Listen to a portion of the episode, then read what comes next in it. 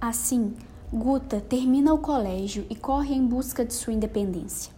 A realidade, no entanto, se mostra muito diferente daquilo que estava descrito nos romances açucarados e livros de poesia que passavam de mão em mão entre as adolescentes sonhadoras. Guta descobre o amor, mas através dele é também apresentada a desilusão e a morte.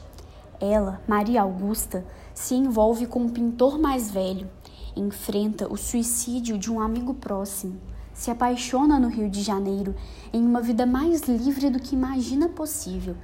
Nesse romance de uma geração de mulheres, Queiroz já mostrava o poder da emancipação feminina, décadas antes que esse fosse um tema debatido pela sociedade. Dessa forma, a personagem Guta é um alter ego da própria autora, uma mulher corajosa, ousada e forte, mesmo em meio a um contexto de machismo na sociedade dos anos 30. As personagens, de fato, são bastante progressistas, assim como foi colocar as mulheres no centro de um romance e tratar questões sociopolíticas na primeira metade do século passado, quando a literatura era toda dominada por vozes masculinas. Mais interessante ainda nesse livro, em que as mulheres são protagonistas, é o fato que os papéis masculinos na vida das três garotas estão quase sempre relegados a segundo plano. A todos os homens que aparecem nessa narrativa falta determinação. Parecem repetir as mesmas histórias de traição e de derrocada que ouvimos há décadas.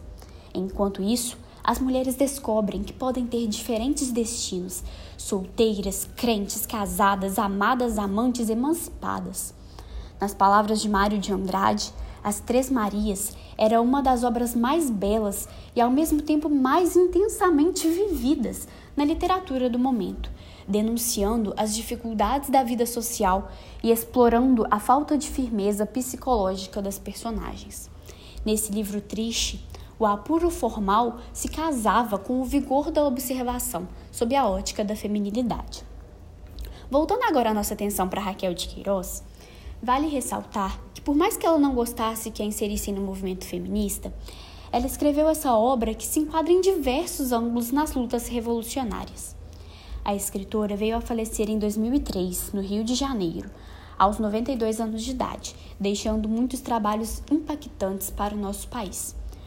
Como já fora mencionado, ela foi uma das mais importantes escritoras brasileiras do século XX, pertencente à geração modernista de 1930.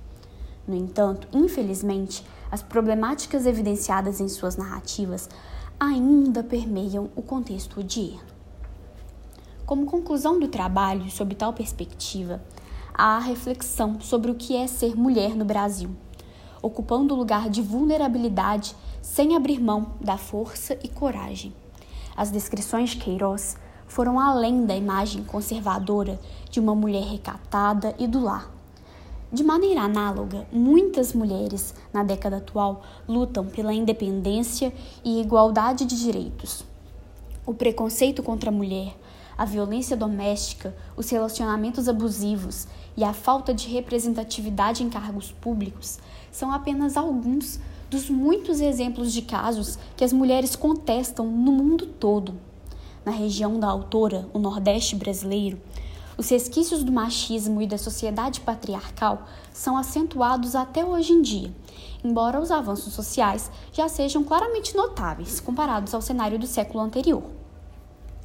A estudiosa e crítica literária Heloísa Buarque de Holanda, em sua carta escrita para Raquel após sua morte, traz toda uma carga sentimental vivenciada por ela em contato com a autora.